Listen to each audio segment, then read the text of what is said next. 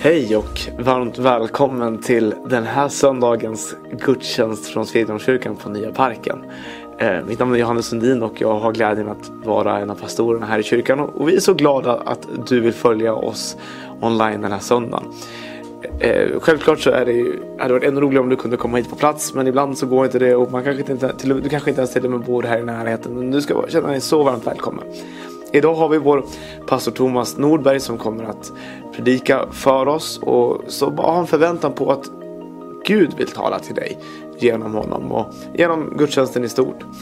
Eh, har du något som du skulle vilja att vi ber för så tveka inte att höra av dig till oss. Vi har bön som pågår här egentligen varje vardagsdag eh, eh, under veckan. Så att skriv till oss så tar vi med dig och ber för dig.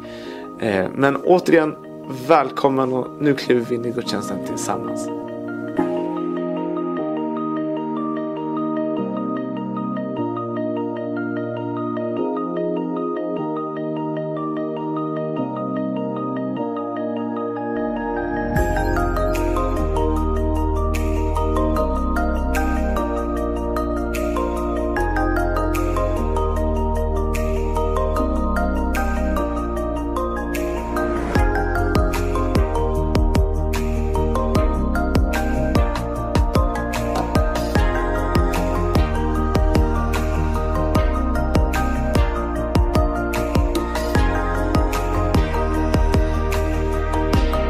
Är barn här? Härligt. Så då hörni, alla barn, då har vi en lägerdag där. Det kommer vara massa roliga äventyr och massa roliga saker som ni får vara där. Kanske till och med någon glass och några goda saker också. Så att om du som förälder inte anmält ditt barn mellan 6 och 12 år så är det, så är det dags att göra det nu. Då skickar ni mail till barnkyrkadavid.gmail.com så att eh, alla ni som är barn eller har barn, då är det lägerdag för dem på lördagen. Precis, och förstås så finns all den här informationen på vår hemsida också när det gäller midsommarfirandet. Härligt. Eh, då ska vi ta och ta upp dagens kollekt. Och jag tänkte bara dela ett ord innan vi tar upp kollekten. Och eh, det är en profetia som eh, finns i Jesaja 61 eh, som profeterades ut vad som skulle komma. Och det här, detta var ju en profetia om Messias, Jesus. Och över Jesus så vilade Herrens ande. Och samma ande vilar över Guds folk idag, vilar över oss idag. Amen. Så, så här läser vi. Herrens ande är över oss. Han har smort oss för att förkunna glädjens budskap för de ödmjuka. Han har sänt oss eh, han har sänt oss att förbinda de som har förkrossade hjärtan, att utropa frihet för de fångna och befrielse för de som är bundna. Han har sänt oss att förkunna ett nådens år från Herren och en hämnens dag från vår Gud att trösta alla sörjande och att ge de sörjande i Sion huvudprydnad istället för aska, glädjens olja istället för sorg och en lovsångsdräkt istället för en modfälld ande. Amen. Det här är vårt uppdrag som troende, som kristna, för Herrens ande har smort dig och mig. Han har smort oss som församling och han har gett oss ett uppdrag. Amen. Och idag så får vi vara med och ge in i det uppdrag som vi som församling gör, att nå ut i den här världen. Att eh, möta människor i vår tid. Vi har många olika verksamheter på allt sätt. Så när du ger in så ger du in i att ge vidare evangeliet i vår samtid. Så Gud välsigne dig när du ger din gåva idag. Och som du ser så har vi också swishnummer uppe. Du kan swisha direkt. Vi ger både offer och vi ger tionde här i församlingen. Men det finns också möjlighet att ge eh, kontant. Vi har Christer här som har en korg, så har du och Christian där, så bara vifta så kan du också eh, ge kontanter idag. Det går jättebra. Så tusen tack för din gåva.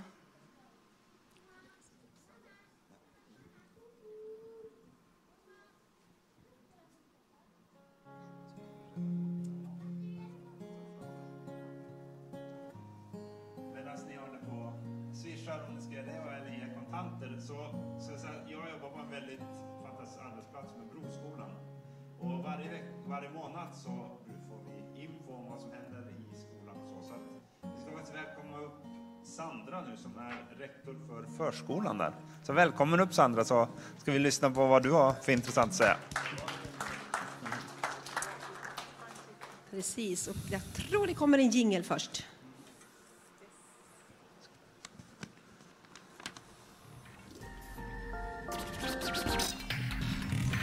Nu är det dags!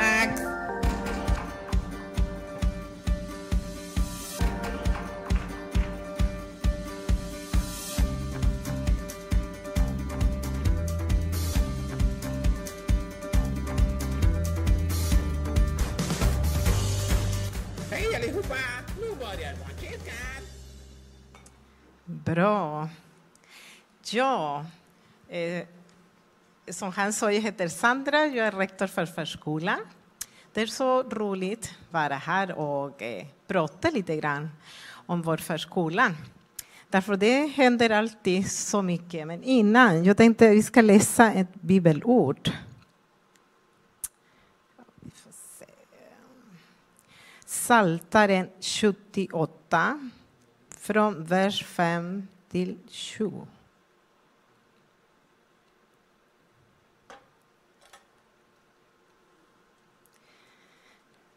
Och det står så där, Psaltaren 78, 5 till 7.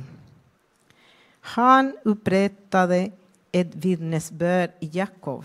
Han gav sin undervisning i Israel och befallde våra fäder att lära ut den till sina barn så att den blev känd för den kommande släktet, de barn som skulle födas.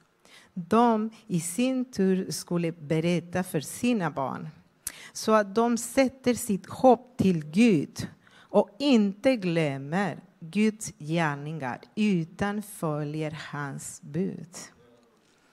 Eh, den här vers, det här, eh, jag har upplevt ganska starkt i mitt hjärta, kan man säga så. Det här berör mig ganska mycket när jag hör det. Vi har i våra händer de nya generationer och vi vill att vi ska sprida Guds ord. Och det är någonting som det är inte är så lätt på skolan och förskolan att göra just nu. Men vi vet att vi har Guds vishet för att göra det. Så, och jag har pratat med personalen angående den här och det vad viktiga vi är i förskolan och skolan, alla lärare, alla pedagoger. Vad viktiga vi är för att lämna någonting till nästa generation. Eh, jag ska inte predika, jag ville bara säga den här, så hoppas att ni kan fortsätta läsa den där Psaltaren 78. Det, det är någonting. Vi har just nu 40 barn på våra avdelningar. Så eh, vi, det har varit en jättefint år, trots att det var lite sjukdomar och sjukskrivna och sådär. Men Gud är god. Och Gud har skickat faktiskt elva barn för Perla. Så den där det är en stor eh, bönesvar. Därför vi bad och bad och bad. Vi var för tio, jag minns det. Det var tio som vi var, men kom elva. Så det, det är underbart. Det har kommit många ettåringar. Så, och det är föräldrarna som vill att ska sina barn vara på en kristen förskola.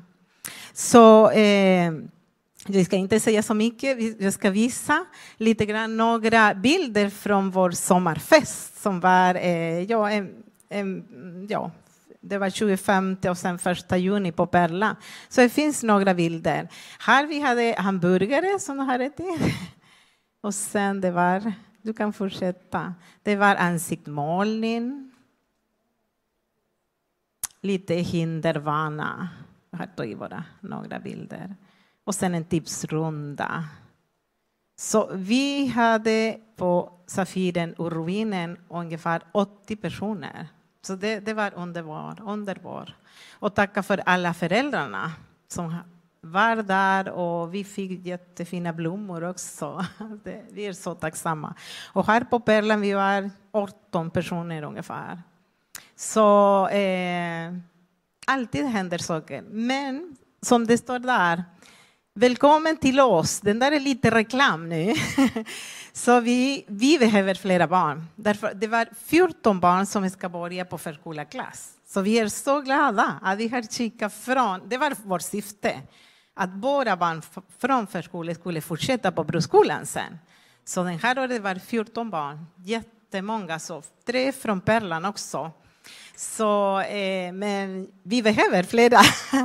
nu är det Safiren, vi ska börja på nästa termin 15 barn och Perlan 8 barn. Men Rubinen har bara 6 barn. Det är barn från 1 till 3 år. Så vi behöver ettåringar. Så om ni känner någon familj som behöver barnomsorg, säg. Det kan vara på alla avdelningen. Vi, vi har plats. Så det är, ja, det är en utmaning för oss och jag tycker för församlingen också. Därför ni hjälper oss för att be och ni är alltid, ni alltid frågar mig också, hur är det med förskolan, vad händer där? Det händer mycket. Vi har tio pedagoger nu. Vi hade tolv ungefär. Så det är många också pedagoger som ger. Det är inte vår vanlig jobb, jag alltid hade sagt det. Vi känner Gud där som jag har läst, vi har i våra händer nästa generation. Och jag känner mig väldigt ja, ansvar för den. Åh Gud, du har gett oss den här barnen. Så, så gärna be för solstrålen. Vi behöver pedagoger, barnen, föräldrar, allt. Vi har våra också eh, några utmaningar som vi vill, vi vill utvecklas ännu mera. Så faktiskt, vi vill bygga en, inte jättestor Eh, förskolan, men i alla fall med några avdelningar så det blir ännu mer finare. Vi har fina lokaler nu, men vi vill ha mera. Och mera barn, självklart, i vår verksamhet. Jo, jag tackar för mig. Jag tror det är ni som kan lämna. Kanske kan du be för solstrålen? Klart vi Och kan våra be. pedagoger. Amen. Vi kan be allihop, Tack, eller hur? Amen. Och vi ber för Sandra också. Tack Fader för att vi har kristna förskolor och tack för våra kristna förskolor, Herre. Tack för att de är välsignelse för familjerna, för barnen, Herre. Tack att de får vara i en trygg miljö, men de får också känna din närvaro, känna din, eh, lära känna dig på olika sätt, Jesus. Vi bara välsignar och tack för att du gjorde ett mirakel här på Pärlan, Herre. Och barn bara strömmar till och som en, en förälder sa till mig, vi älskar det, våra barn älskar det.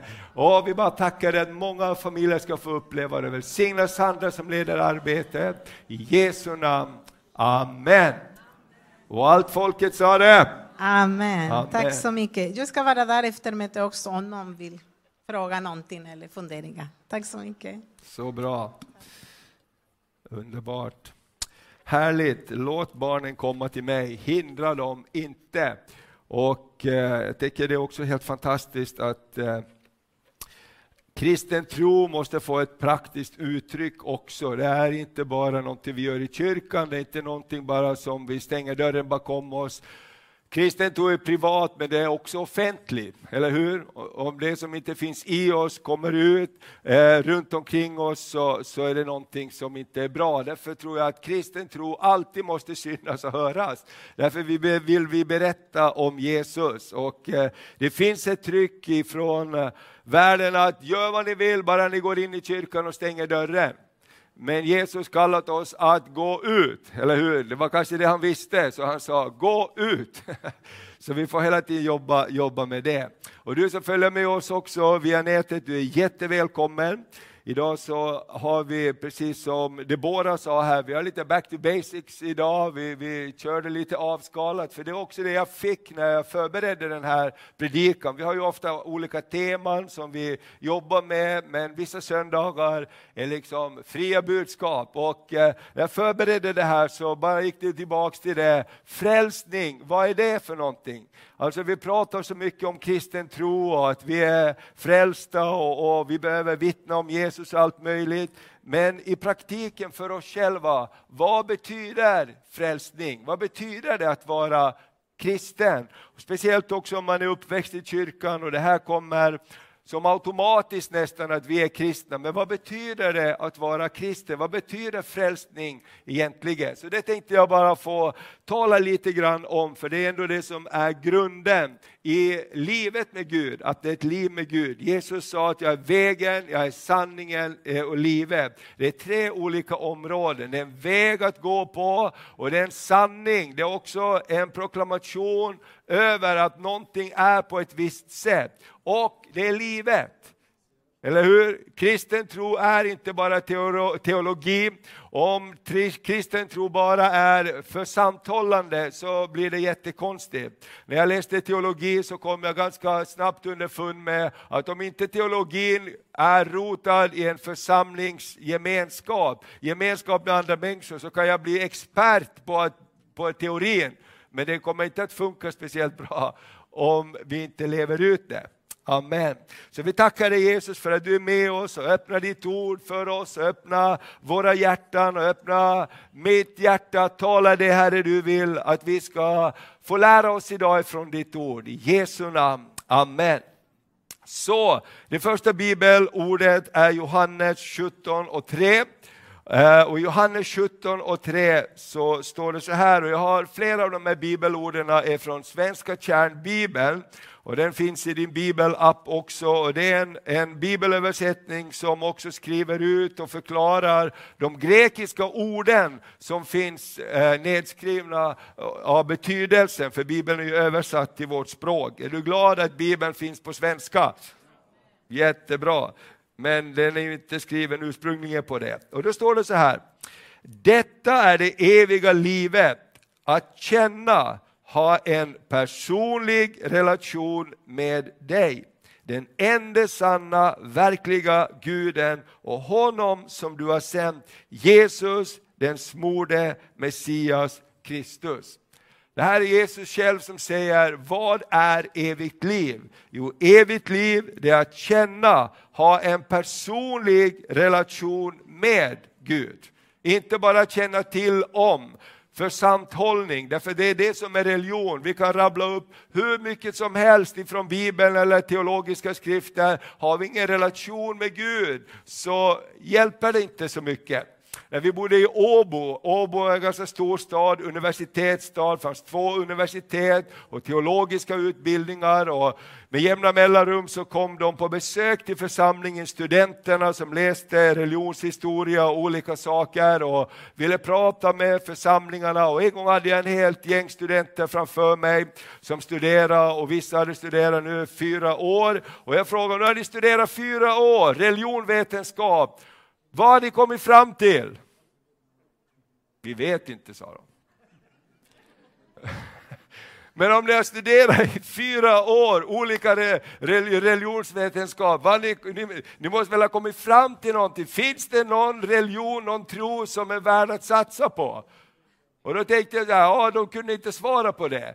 Och då tänkte jag så här, det spelar ju ingen roll om jag läser liksom på heltid, om inte det blir ett personligt liv med Gud. Jag menar, vi är ju kristna därför att vi har fått uppleva att Jesus har flyttat in i våra hjärtan. Vi har upplevt att vi har behövt böja oss och omvända oss och be om förlåtelse för att vi har gått våra egna vägar och sagt Jesus kom in i mitt hjärta, jag vill följa dig, jag vill ha relation med dig. Och jag tror att flera av oss som, eh, hoppas alla som är troende, vi, vi kanske ligger i våra sängar när vi vaknar och ber och säger tack Jesus för den här dagen. Hjälp oss idag när vi går och lägger oss och kanske vi säger på samma sätt, åh vilken dag det har varit, tack gode Gud för att du är med mig, låt mig sova gott i natt. Är det någon som brukar göra så? Amen. Och när vi är ute och vandrar på dagarna och på jobbet, ibland så viskar vi en bön mitt på arbetslivet därför vi vet att Gud är med. Eller hur? Han är inte bara på söndagen, utan det är som det står här, att ha en personlig relation med Gud och med Jesus. Amen. Så det är det frälsning egentligen handlar om, det är att ha en personlig relation med Jesus. Och vill man ha en relation så är det ju någonting man behöver upprätthålla, eller hur? Man behöver hålla en relation vid liv. Håller man inte en relation vid liv så fejdar den ut. Hur många hade många bästa kompisar när du gick i lågstadiet i skolan som du lekte med? Hur många leker med dem fortfarande eller har kontakt med dem? Några, där sitter två som gick i samma. Det, det, är ofta inte speciellt, man kommer, man kommer knappt ihåg vad de heter, man kommer ihåg vad det heter, men fast man var sådana bästa kompisar då, så i och med att man har tappat kontakten så har man tappat relationen. Och det är inte någonting att det är något problem, bara man har kanske flyttat till olika platser och så. Så nästa bild säger så här, frälsningen är att få ett liv med Gud. Livet med Gud behöver vårdas. Livet med Gud har ett mål, att leva med Gud idag och sedan leva en evighet med Gud. Det är ju därför frälsning, när Jesus säger det som tror på mig ska ha evigt liv. Eller hur? Det är inte bara en engångshändelse utan det är någonting som föds på insidan av oss som fortsätter att leva. Amen. Och det är därför jag tänker ibland om vi tappar perspektivet på att Frälsningen handlar inte bara om här och nu, utan frälsningen handlar om här och nu och in i evigheten. Amen. Den tro vi har på Jesus är den tro vi bär med oss. Och när vi möter Jesus så hoppas jag att det inte blir så här, wow! Det har jag aldrig sett förut. Hoppas du inte att vi känner igen när vi prisar Jesus, när vi lovar och när vi ber, när vi känner hans närvaro. Samma kommer vi att uppleva när vi kommer hem till himlen. Amen. Därför att det är en verklighet. Och i Johannes så står det så här, vi ska läsa några verser från Johannes 1, vers 12 till 13. Eh, först läser vi eh, vanliga folkbibeln som vi brukar läsa. Står det så här, men åt alla som tog emot honom gav han rätten att bli Guds barn. Alla som tog emot honom, Johannes 1 och 12. Och alla som tog emot honom gav han rätten att bli Guds barn och dem som tror på hans namn, de är inte födda av blod eller köttsvilja eller av någon mans vilja utan av Gud. När vi tar emot Jesus så föds vi på nytt och vi blir Guds barn. Vad betyder det här att vara frälst? Jo, att vara frälst betyder det att jag har blivit Guds barn. Amen. Alla här är vi barn till någon. Annars skulle vi inte sitta här. Alla vi är, vi är barn till någon, vi tillhör en familj, kanske inte vi har kontakt med vår familj, kanske våra för, för, för, pappa och mamma är döda eller någonting, men på något sätt så tillhör vi en familj. Vi är barn till någon. Och när vi blir frälsta så blir vi barn till Gud. Vi blir Guds barn. Och därför är det inte bara så här att jag är kristen, jag gör som jag vill. Nej, det gör vi inte, därför vi är i en familj. Och Gud säger det är Guds familj. Och vi är bröder och systrar. Och vi är Kristi kropp, vi är lemmar och vi är levande stenar som fogas tillsammans. Vi behöver varandra. Om det bara är en massa levande stenar kringspridda så blir det inget hus. Den här stenarna kommer tillsammans som det blir en byggnad. Amen. Den här kroppen kommer tillsammans som den blir en kropp och Gud blåser sin livsande in i den. Och därför tänker jag så här, att vara frälst, det betyder att jag tillhör någon. Amen. När man blir frälst så börjar man kalla sig också kristen. Eller hur? Amen. Man får ett nytt namn. Jag är Thomas och jag är kristen. Amen. Man säger inte det innan man har tagit emot Jesus och blivit Guds barn. Därför att det är precis som när vi gifte oss och, och, man byter namn, Maria bytte namn därför vi blev ett och vi kom överens om ett nytt namn och de som har gift sig här precis i förra veckan, eh, Rut och Josef, de tog också ett nytt namn som beskriver att de hör ihop. Amen. Och när, när vi blev frälsta så blev vi kristna, för vi hör ihop med vi hör ihop med Kristus. Amen. Har du sett sådär, ibland så har man dubbla efternamn. Ibland kan man ha dubbla efternamn, man vill inte byta så man har dubbla. Här i veckan så läste jag, förlåt mig, Ålandstidningen, denna fantastiska tidning. Och då var det en kvinna där som var, hon jobbade på något ställe och vet du vad hon hade för dubbelnamn? Det var det roligaste dubbelnamnet som jag någonsin har hört. Hon hette, hon hette, hon hette Viveka Karlsson Karlsson. alltså, Exakt samma stavning! Men det här måste ju vara fel, va? så jag bara läste vidare. Ja, men Viveka Karlsson, Karlsson, hon säger så här. Ja, då är man ganska envis. Jag byter inte mitt efternamn om jag gifter mig.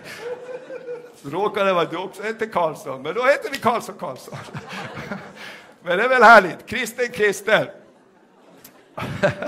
Ja, helt fantastiskt. Egensinnig, egensinnighet kallas det. Okej, vi tar nästa bibelvers här, Johannes 12 och eh, 13. Men ganska smart kanske, alla kommer ju att veta vem hon är. Det kan inte finnas så många som heter Karlsson Karlsson. Eh, kristen, kristen. Nu läser vi Svenska kärnbibeln. Igen kommer det upp här samma verser som förklarar lite mera om det här att vara ett Guds barn. Vers 12 och 13 är kärnan i Johannes budskap. Genom tron på Jesus så blir man ett Guds barn.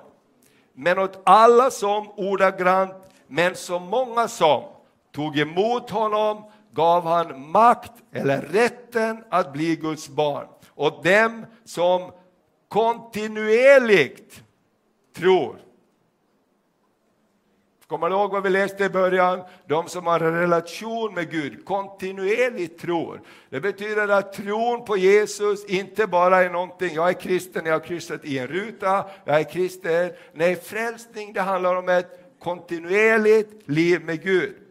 Som förtröstar, förlitar sig på hans namn auktoriteten i Jesu namn, vilka är födda inte beroende på biolog, eh, blodslinje. Tron ärvs inte från föräldrarna. Alltså det är inte så om jag är muslim och föds som muslim så är jag muslim. Om jag är kristen och föds som kristen så är jag kristen. Det inte, funkar inte riktigt så. Jag kan vara född i ett kristet hem men alla vet att jag måste ta ett personligt ställningstagande att möta Jesus och att följa Jesus. Eller hur? Då blir jag frälst, då blir jag en kristen. Det är någonting pågående i mitt liv. Och eh, så står det, inte heller genom köttet, fysisk vilja, goda gärningar etc. Inte heller genom någon människa, en faders vilja. Ingen annan människa kan frälsa någon, utan endast Gud. De är födda av Gud.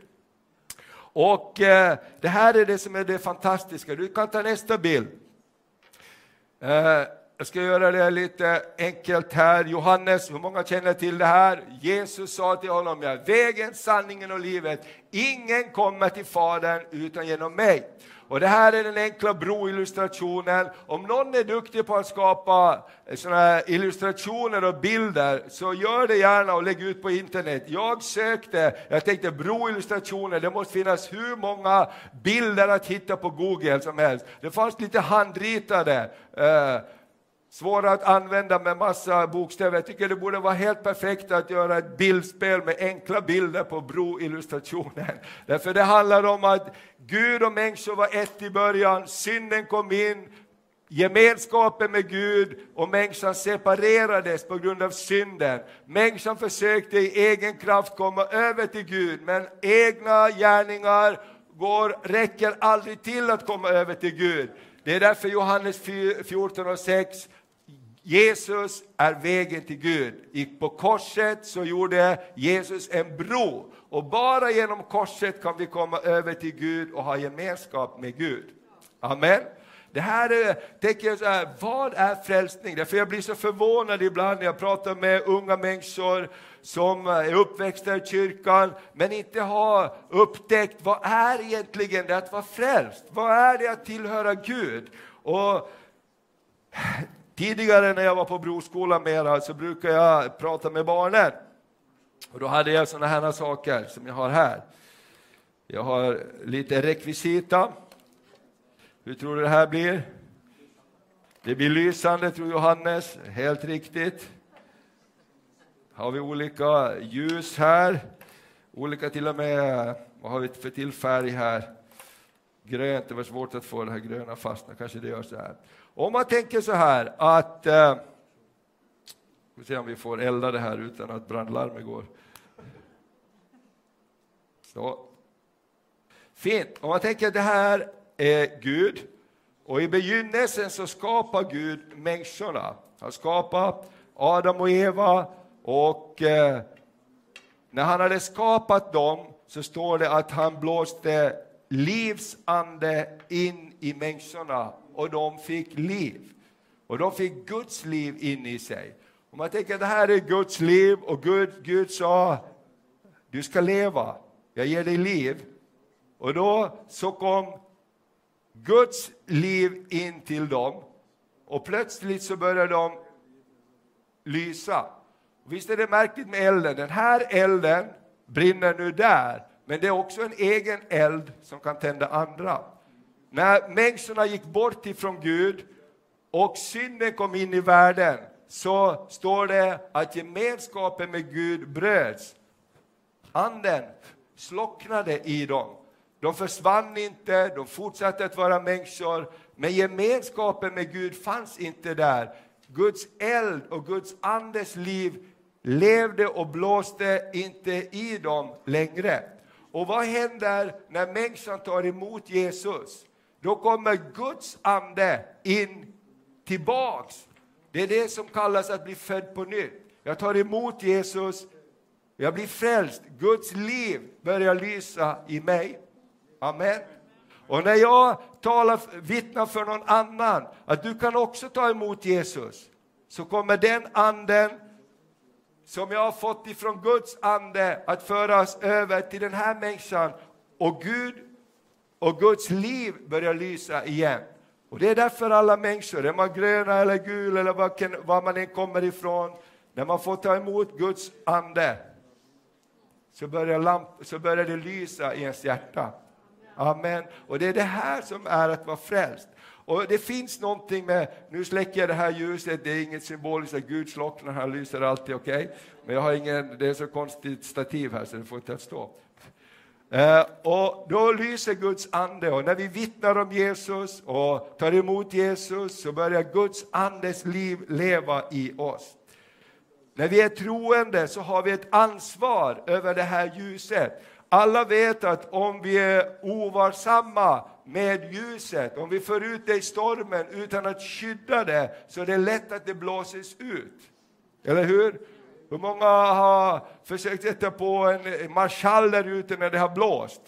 Det går bra ett tag och så kommer vinden och så blåser det och så tänker man, kan man inte hitta på någonting så det kan lysa? Och man måste ha en lykta som skyddar det här. Och det är det här, mina vänner, det är att vara frälst, att tro på Jesus, att ha tagit emot Guds liv i sitt hjärta. Jag måste också beskydda elden. Amen. Kommer du ihåg vår finske vän som var här på King of King? Han sa det är bara de som brinner som kan tända andra. Det är bara de som brinner som kan tända andra.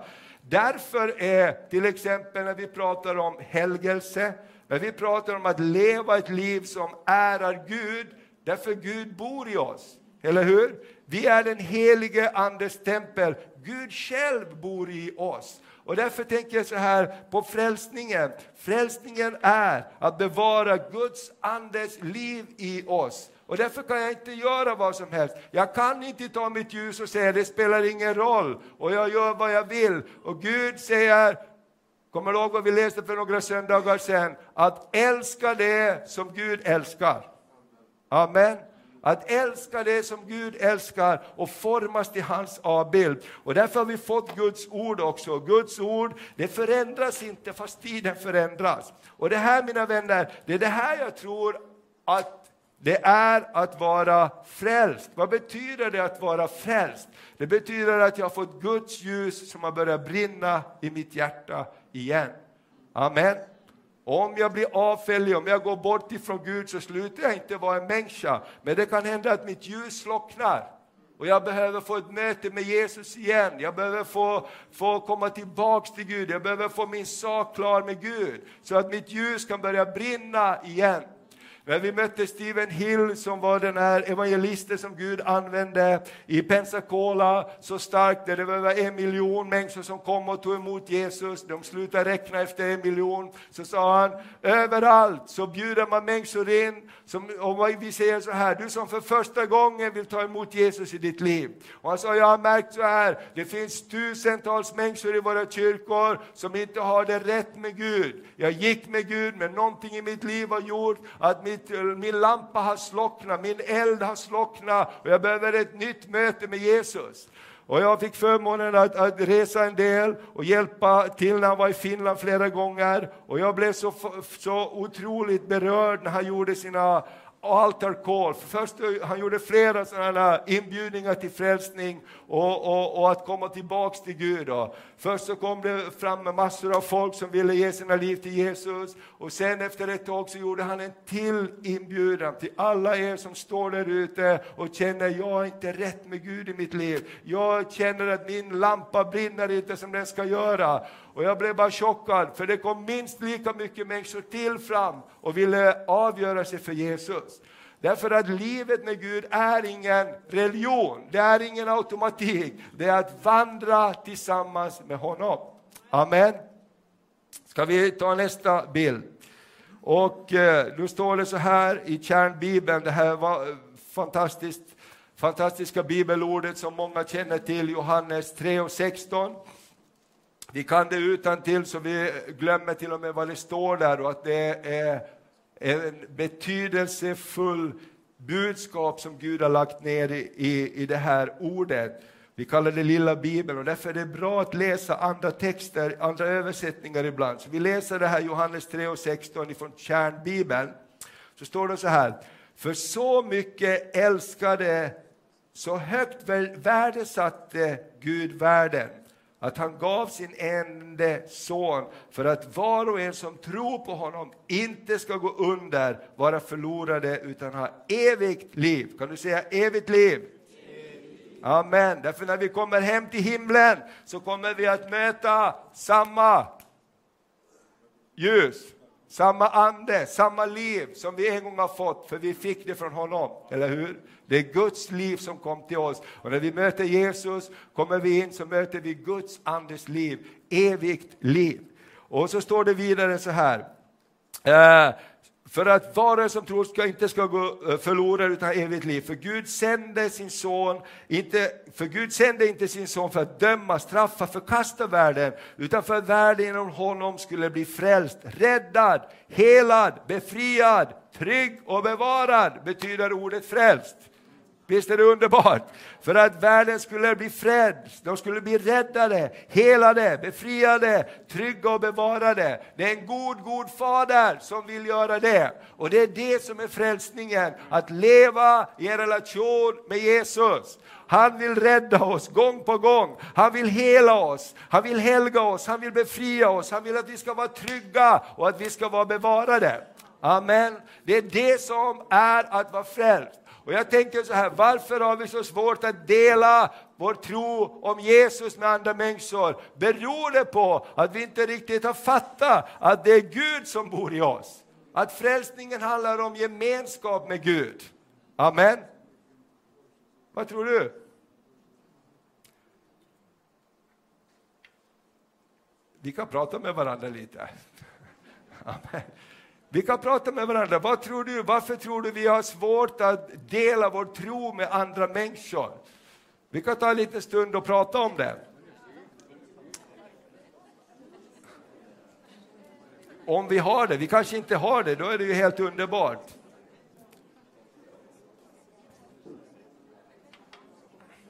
Varför kan vi ha en utmaning i att dela vår tro med, om andra, med andra människor?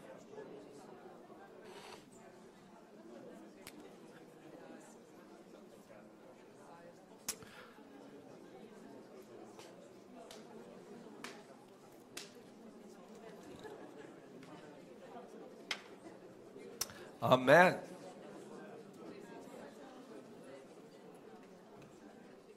Vi kan ibland ha lättare att prata om allt möjligt annat. Det är mycket lättare att posta att Modo vann SM-guld fast de inte riktigt vann det, men gick upp i, i, i ligan eller en massa andra saker än att egentligen posta någonting om Jesus. Eller hur? Visst är det, det finns någonting där som, som är i oss som vi behöver få ordning på. Och det finns också fiender som vill stoppa oss att vara frimodiga med Jesus. Jag, jag, jag talade med, med en person en gång här i, i, i kyrkan som, som var med och eh, frågade, jag saknar dig i kyrkan. Eh, vore jättehärligt. Ska vi prata så vi kan komma tillbaka och börja gå med Gud? Ja, ja, men jag tycker om kyrkan, jag älskar kyrkan, men jag tycker det är så mycket ljud där, sa hon. Jag tycker det är så mycket ljud, sa den här personen. Ja, okej, okay, jag förstår, det kan ju vara jobbigt och så. Så tänkte jag, ah, hur ska vi lösa det då? Sen några veckor senare så var vi på hockeymatch med tusentals människor. Och så tittade jag på sidan, så är personen där som hade så jobbigt med ljudet i kyrkan. Med lovsångsljudet, men hallå, det här är vi tusentals människor och alla vrålar oh, oh, oh, oh, hela tiden. Och i kyrkan får vi ju uppmuntra människor att säga halleluja! Eller hur? Amen, det är inte sådär så säger lugna ner er nu, vi måste höra vad pastorn säger. Eller vad? Alltså det finns någonting som, som slits här på insidan av oss som vi måste få ordning på på något sätt. Att Guds liv är det liv jag bär med mig. Det handlar inte om vilken kyrka jag tillhör, det handlar inte om vilken familj jag har på det sättet. Det handlar om livet, ljuset som lyser i mig. Det är det jag delar. Vi säljer inte en religion, vi säljer inte medlemskap i en kyrka, vi säljer en relation med Jesus. Eller hur? Det är det det handlar om. Amen. Så vår, nästa bild kan vi ta här. Eh, vår uppgift är att bevara livet vi fått med Gud så att det växer och utvecklas. Då vi delar det vi har fått så förmedlas livet. I Efesierbrevet 2 så står det så här, vers 9-10, och vi kan sätta upp den, det är lite liten text men du kanske ser den. I kärnbibeln står det så här, jag tycker det var fantastiskt att läsa det här. För vi är hans, Guds hantverk, på grekiska poe, poema. Nu måste jag ta fram glasögon här. Eh, poema, Guds poem, ett vackert skapelseverk. Amen, vi är Guds poem. Har du skrivit poem till någon? Kärleksbrev till någon? Man försöker uttrycka, du är min vackraste guldlock och du är så vacker och fin. Och du får hjälp om du går till, predi eh, till, till predika, Höga visan.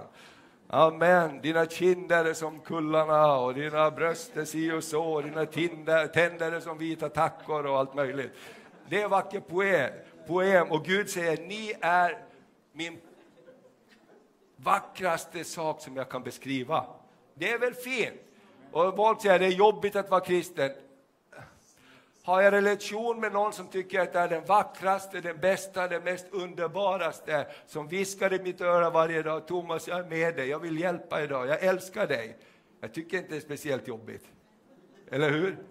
Men om jag bara tar en massa religiösa bördor på mig så blir det jobbigt. Så står det så här, Eh, Jesu, eh, som har skapats i den smorde, Messias, Jesus, till att vi ska kunna utföra goda gärningar, arbete som Gud har förberett. Det grekiska verbet, verbet proet, proe, proetomazo, det bara hjälp mig du som har läst det här och har examen, betyder att något har utsetts och gjorts redo i förväg så att vi ska vandra i den, leva i det som Gud har planerat. Amen. Så Gud har gjort oss till någonting väldigt dyrbart. Vi kan ta nästa bibelvers. Arbeta på er frälsning, utveckla gemenskapen med Gud. I Filipperbrevet 2 så står det så här. Därför mina älskade, ni som alltid varit lydiga, inte bara när jag var hos er, utan ännu mer när jag inte är hos er, arbeta med fruktan och bevan på en frälsning. För det är Gud som verkar i er både vilja och gärning för att hans goda vilja skall ske.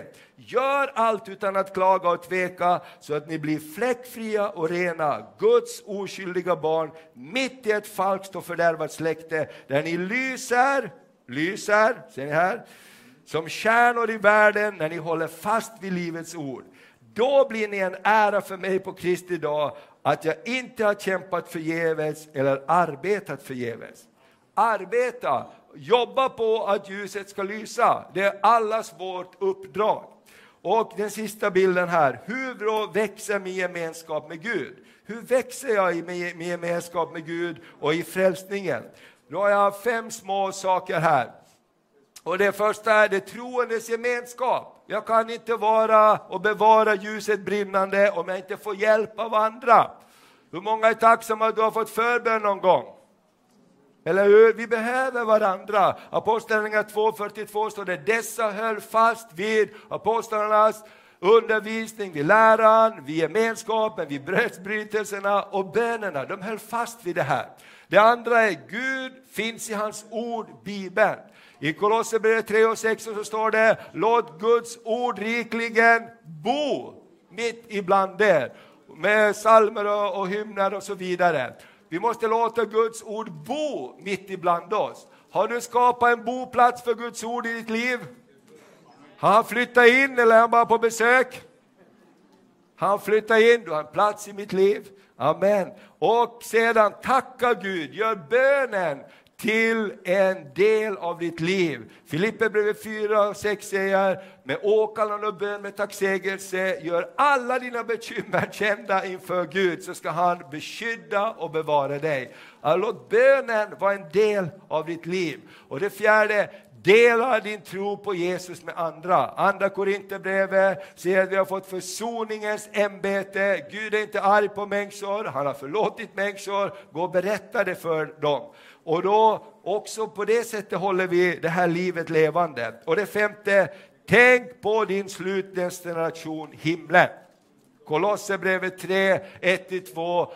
Tänk på det som är där ovan, inte bara som det som hör jorden till.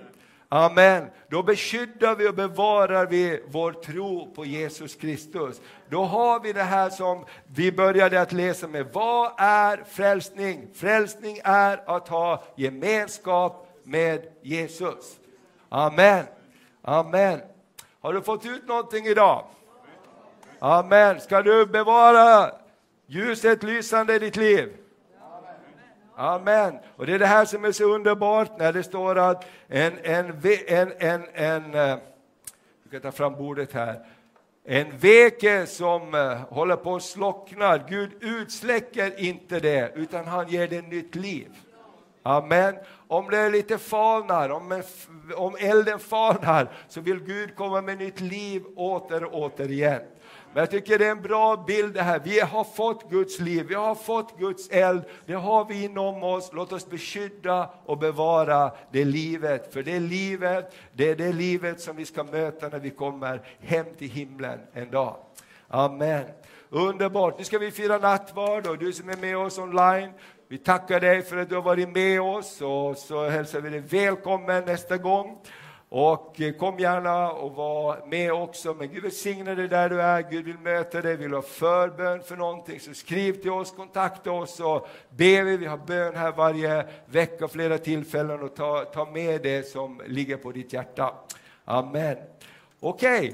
då så ska vi ställa oss upp och så ska vi gå in och ta emot nattvarden idag också. För det är någonting som där apostlarna i apostlärningarna stod det, dessa höll fast vid apostlarnas undervisningen, vid brödsbrytelsen, vid bönerna och gemenskapen.